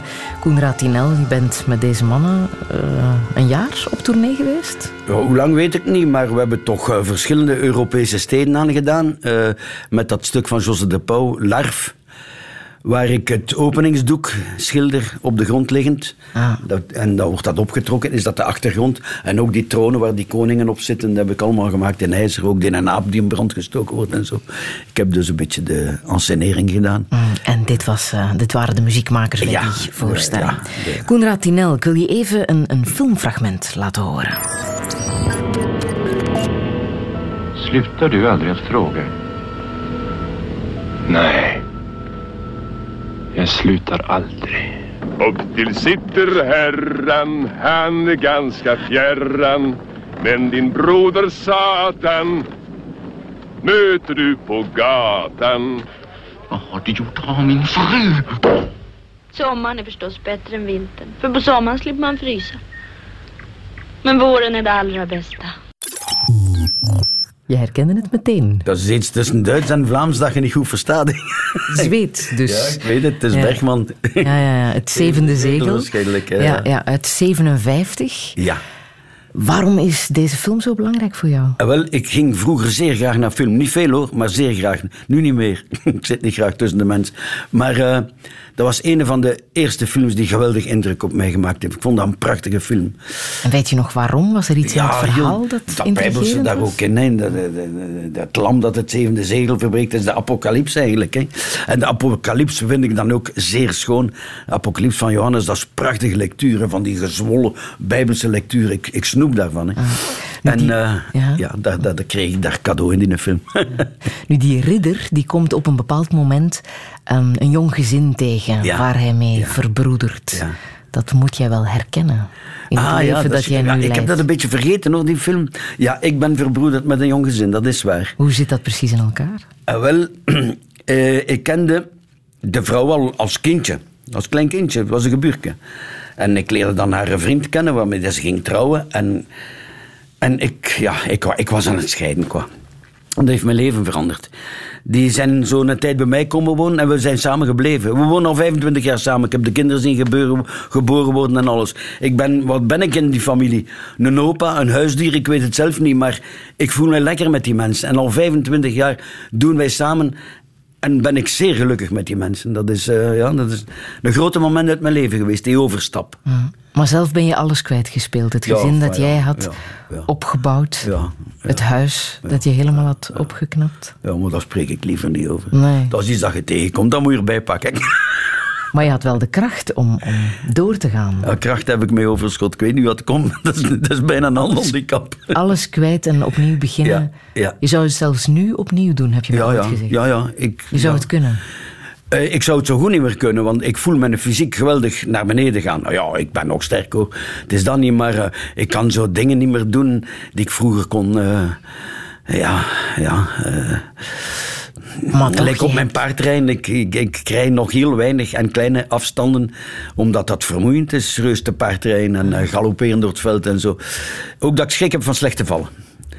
Dat is al gebeurd. ja, ja, maar genoeg gevallen op mijn kop en aan alle kanten. Maar eh, eh, ik kon er allemaal goed tegen en weer recht en weer op. Maar ja, je voelt je, je fysiek wel eh, serieus eh, verminderen. Hè? Ja. Ik was een verschillend sterk manneke voor zo'n klein ventje. Maar eh, ik pakte een aanbeeld van 150 kilo op en van op zijn blok. Ik zet het in mijn auto. Het zijn er niet veel die dan kunnen in zo'n kabouter zijn. En je bent nog altijd aan het werken aan het, het huis waar jullie nu Ja. In volle zelen samenwonen. Een, een gigantische boerderij met atelier. En een van je toenmalige buren eh, is ondertussen ook een eh, goede vriend geworden. Hè? Acteur Josse de Pauw. En Ah. het is wat hij vertelt over die plek waar jullie nu wonen. Ja. Voilà, dit is eh, de doening van Koenraad Tinel, beeldhouwer. Die leefde hier, werkte hier. Toen ik hier in de streek kwam wonen, zo'n tiental jaren geleden in Lennik, niet zo ver van hier, toen woonde hij nog in Gooik en hij heeft vrij snel contact gezocht. En dat klikte erg goed. Ik ben blijven komen en zit graag eh, naar die mensen te kijken als we aan het werken is en zo. En af en toe iets drinken en wat praten. De Congoberg ligt daar, het is een heel open streek. Een zeer stille streek ook nog, of een stil stuk van dit gebied. is geclasseerd volgens mij zelfs als stiltegebied. Jos de Pauw over jouw doening op de Congo-berg in het stiltegebied. Het is inderdaad geclasseerd absoluut. hè, als Ja, eh, stiltegebied. ja, Hoe belangrijk is, is die plek, die stilte voor jou? En wil je zou het misschien niet zeggen, ik kan veel lawaai maken, maar de stilte is voor mij ongelooflijk belangrijk. Ja, ik heb dat echt nodig. Ik kan bijvoorbeeld niet werken met een radio die aanstaat. Mensen zeggen, werk tegen mijn muziek? Ik zeg, nee hoor, kan ik gewoon niet. Nee. Maar ik, stilte, stilte is twee. Hè. Stilte is ook eh, innerlijke rust. Dat is ook stilte. Eh, bijvoorbeeld een tractor die werkt, kan daar best tegen. Zelfs 's nachts. Als dat nodig is, moet een boer dat doen. Maar eh, onnodige stilte, onnodige muziek, onnodig dom lawaai, daar, daar krijg ik het op de heupen van. Ja, dat, wel, ja. Wat doe jij om er nog zo goed uit te zien? dat ik het niet weet. Re- regelmatig naar Westmalle drinken. Ja? Dat helpt? Misschien, ik weet het niet goed. Maar mijn goesting leven, laat ons zeggen. Ah. En gestopt met roken al 25 jaar, dat is misschien ook wel goed. Hmm. Maar ik heb, ik heb geluk dat ik een goede gezondheid heb. Ik kan er niet aan doen, het is mijn schuld niet, maar ja. Ja. En jezelf de vrijheid geven op alle ja, gebied? en, en ook mensen graag zien. Dat is voor mij zeer belangrijk. Ik zeg dat dikwijls thuis eh, bij die jonge mensen. Allee, jongen, ze zijn jong, ze zijn 50 jaar. Maar eh, zo mogen gedienstig zijn in een groep, vind ik tof. Ik maak graag s morgens de koffietafel klaar. Ik breng graag de kinderen naar school als het nodig is. Eh, ik doe dat allemaal graag. Ik, ik- er zijn zo geen dingen die ik niet graag doe. Omdat ik, als ik de functie weet, is het goed, is het in orde, doe ik dat. Als het strontekuisen of gelijk, wel, eh, als het, als het goed is, is het goed. Als het nuttig is, is het goed. Josse de Pauw is ook de man die jou over de streep heeft getrokken om jouw verhaal te vertellen. Hè? Ja, dat is juist. verhaal van dat is heel familie. juist. Ja, dat is waar. Nu herinner ik me iets. Ja. Ja. Want we zijn daar een keer aan begonnen. We zijn samen naar Duitsland gegaan, Jossen en ik, naar dat dorpje.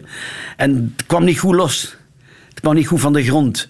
Hij wist er nog niet genoeg over waarschijnlijk. En ik was aan het tekenen gegaan en ik vond mijn tekeningen ook niet goed. En dat is dan weer in pannen gevallen. Tot wanneer dat ik het toch gaan tekenen ben. En dat ik zelf mijn verhaal verteld heb. En dan heeft David van Rijbroek mijn verhaal dat ik verteld heb uitgeschreven. Maar eigenlijk een beetje met mijn woorden, maar dan beter. Maar je hebt het wel zelf gedaan. Ja, ja, ja. ja, ja, ja. Dat was belangrijk, denk ik. Hè? Ja, Hoewel je dat eerst niet wou. Je wou het door anderen laten Ja, ja, ja, dat is waar. Ja, dat is waar. Ook toen ik mijn verhaal eh, verteld heb met de dia's van mijn tekeningen. Eh, bij mij thuis waren een hele hoop mensen aanwezig. Dirk Hoofdhof, zoals De Pauw, Paul Dujardin van Beaux-Arts en zo. Eh, en iedereen vond dat ongelooflijk. Ik, ik heb dat gewoon zo verteld. En eh, toen heb ik aan Jos en aan Dirk Roofhoofd al alle twee gevraagd: zou jij dat niet in theater kunnen brengen? Want men had mij gevraagd om dat in theater te brengen. Barbara Wijkmans van Antwerpen. En, ik zei, en eh, die zeiden allemaal: maar jij moet dat zelf doen. Maar ik zei: ik het leven met mijn Gents accent. Ik heb een, een, een stem om, ja, die, die niet speciaal goed is. eh.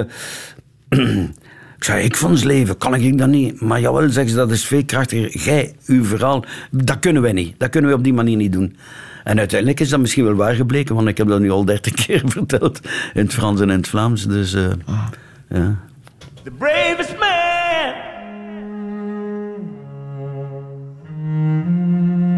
the universe is the one who has forgiven first. The bravest man in the universe.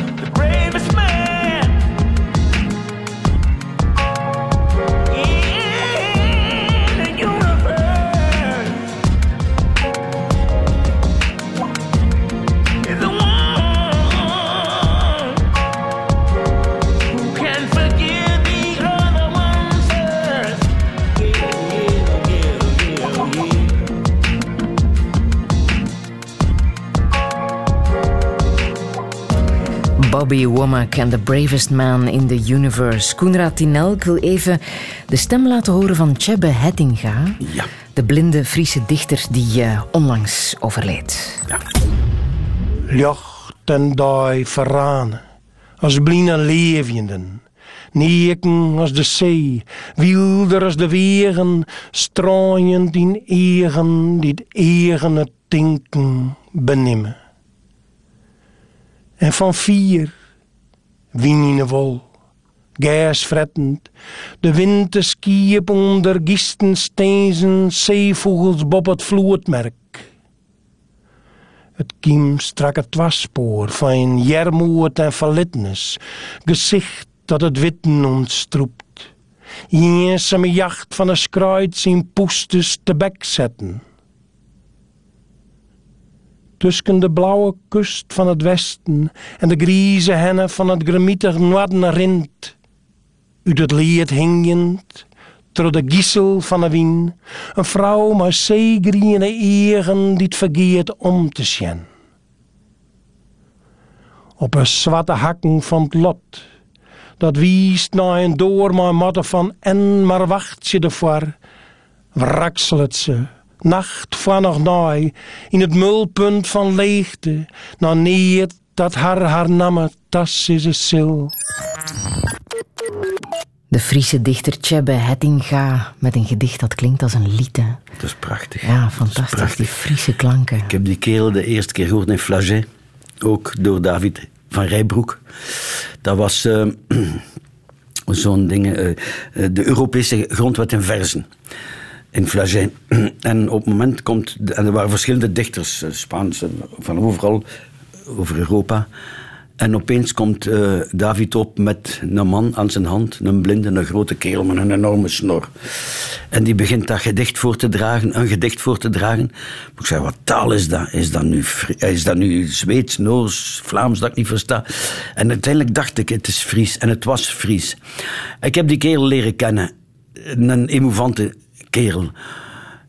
Die eh, blind geworden is toen hij 16 jaar was. En zijn broer ook, zat in de familie. En dat is een zoon van paardenkwekers uit Friesland. Ze kweken daar die grote, zwarte Friese paarden. 150 paarden liepen daar op die, op die gronden. En hij beschrijft zo schoon zijn land, met zoveel liefde over Friesland. En dan met die ongelooflijk schone taal.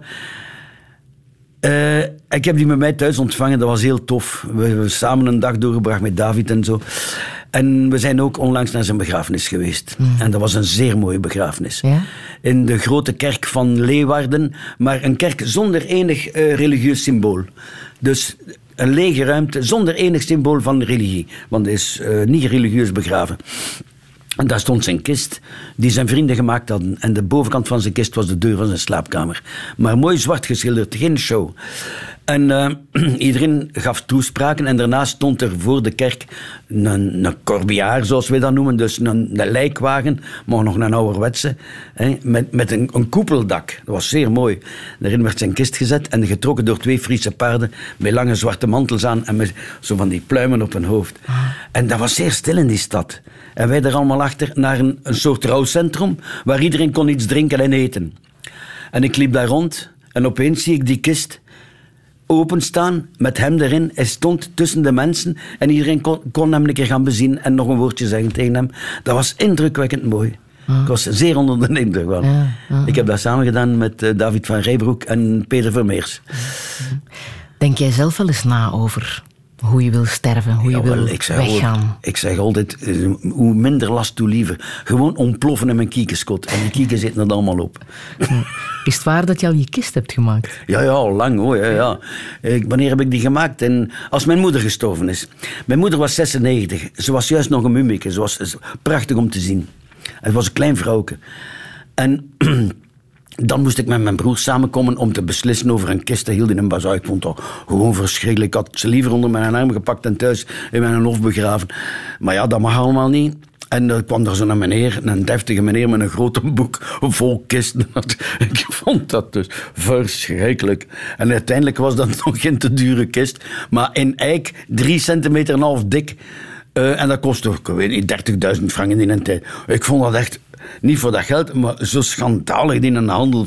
En ook dat mummiken en in zo'n bak zetten. Dan moet daar eerst zitten en rotten tegen dat, dat... Ik vond dat verschrikkelijk. En ik ben thuis gekomen, ik zei, ik ga mijn kist maken. Ik ben direct eh, wat planken gaan kopen. Ik heb ja, op, op een half uur een kist neergetimmerd. Ik kan er juist in, een meter 62. En die staat klaar. Die staat klaar, ja. Ze heeft lang naast mijn bed gestaan, maar nu heb ik geen plaats meer om ze te zetten. Wat is er eh, positief aan ouder worden? Ja, dat je toch een beetje wijzer wordt. En wat rustiger. Ja, ik ben nog niet zeer rustig, maar dat je vooral wijzer wordt. Dat is wel het positieve aan. Het heeft iets heel schoon ook. Ja, je denkt dikwijls aan de dood. En ik denk dikwijls, godverdikke, hey, je bent in je tachtigste jaar, zou er geen, geen eind aan maken. Maar ik heb nog goesting, hè. ik voel me nog goed en ik dien nog. En dan zie ik het nog wel zitten. Maar anders, ik denk, ik, ik heb een enorme bewondering voor wat Klaus gedaan heeft. Ja. In die situatie natuurlijk. Ja, natuurlijk, natuurlijk. Maar dat is, dat, wel, dat is misschien het grootste probleem van oud worden. Dat is echt, hoe ga ik volgend jaar zijn? Ga ik niet Alzheimer hebben? Ga ik niet dit? Ga ik niet dat? Lijkt mijn oudste broer. Die, is, die was 88, maar die was... ehm, ja, die had Alzheimer en die zei zo van die rare dingen. Als oud SS-soldaat zei keer tegen mij... Hoeveel heb je vandaag kapot gemaakt? Ik zei, jongen toch, wat konijnen of zo. Ja. En dan ook... En daar, in, in, dat, in die spelonk, daar zaten ze. Zo van die uitspraak, daar zegt... Ja, maar hij wou nooit van de oorlog spreken. Nee, nooit. Niks. En kinderen weten daar niks van.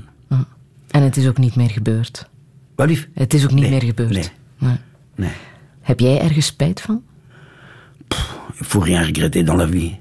Dat er is. Pief Pafken heeft dat goed gezongen. Piaf. Non, je ne regrette rien. Je, kunt, je moet niet geen spijt hebben. De dingen zijn gekomen omdat ze er moesten zijn. En het heeft geen zin van spijt te hebben. Misschien is er soms wel een beetje spijt, maar het heeft geen zin. Eindelijk moest het gebeuren. En je moet er vooral je lessen uit trekken. Dat is het belangrijkste. Dat is jouw levensmotto? Een beetje, ja. Ja, ja. ja ik, ik, ik, ik zeg dat dikwijls. Ik wil iedereen morgen kunnen opstaan en vrij denken. Niet, niet afhangen van godsdienst of van politieke partij. Nee, vrij en eerlijk kunnen we mezelf overwegen. Wat is nu mijn leven? Wat is dat waard? En wat ga ik vandaag doen? Dat is ook iets heel belangrijk. Ik wil altijd een dag hebben dat ik weet, dat ga ik doen. Ik ga dat ook afwerken. Welke boodschap wil jij hier nog meegeven? Goh, uzelf zijn. Vooral uzelf zijn. Eerlijk uzelf zijn. Ja, als je een smeerlap zit, moet je dat natuurlijk niet doen. Maar eh, eigenlijk, een mens is fundamenteel... heeft veel schone kanten. hè. Ja, uzelf zijn en, en daar consequent naar leven. Heb je dat gemerkt in je eigen leven? Hoe meer je jezelf kende, dat het beter ging ook? gaat het beter. En ook, eh, en ik, ik heb ook zoiets. Dienstig zijn voor een ander, niet zo alleen voor je eigen leven. Eh, Dat, is nu, dat klinkt nu een beetje pastoorachtig. Ik ben helemaal geen pastoor. Maar ik, ik, ik vind het belangrijk dat ik dienstig mag zijn. Voor die mensen die rond mij leven, ik zou daar alles voor doen. Ja, dat is. Dat is eh, Zoals voor de kinderen waarmee je samenleeft, Ja, die ja, niet jouw kinderen zijn. ja, ja, ja, maar ik zie die zo graag voor mijn eigen kinderen. Eigen doe je kinderen. alles voor. Ja, ja. ja, Tinel, zullen we nog luisteren naar het tweede pianoconcerto van Mendelssohn? God, is toch, ja. Waarom? Eh, eh, wel, ik, ik was eigenlijk eh, gemaakt om pianist te worden, maar ehm, eh, aan 18 jaar haalde ik een eerste prijs ehm, eh, dingen. allee, geen conservatorium, muziekacademie, dat bestond toen. Nu bestaat dat niet meer. En ik was eigenlijk heel begaafd voor piano. En ze hebben mij toen het eh, tweede pianoconcerto van Mendelssohn doen spelen. Directeur van, de muziekschool, van de muziekacademie stelde me dat voor. En ik heb dat gespeeld. En daarna ben ik gestopt met piano. Maar ik vind het plezant van gewoon een keer even een stukje te. Het is een een briljant concerto. We gaan het laten horen. Ik heb dat dus gespeeld met orkest.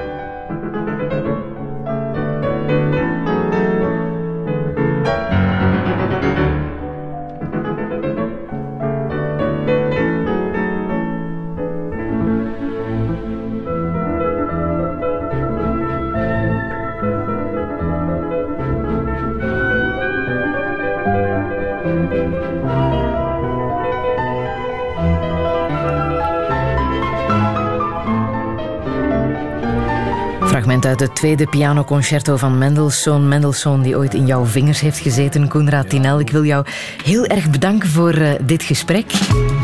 Touché. Radio 1.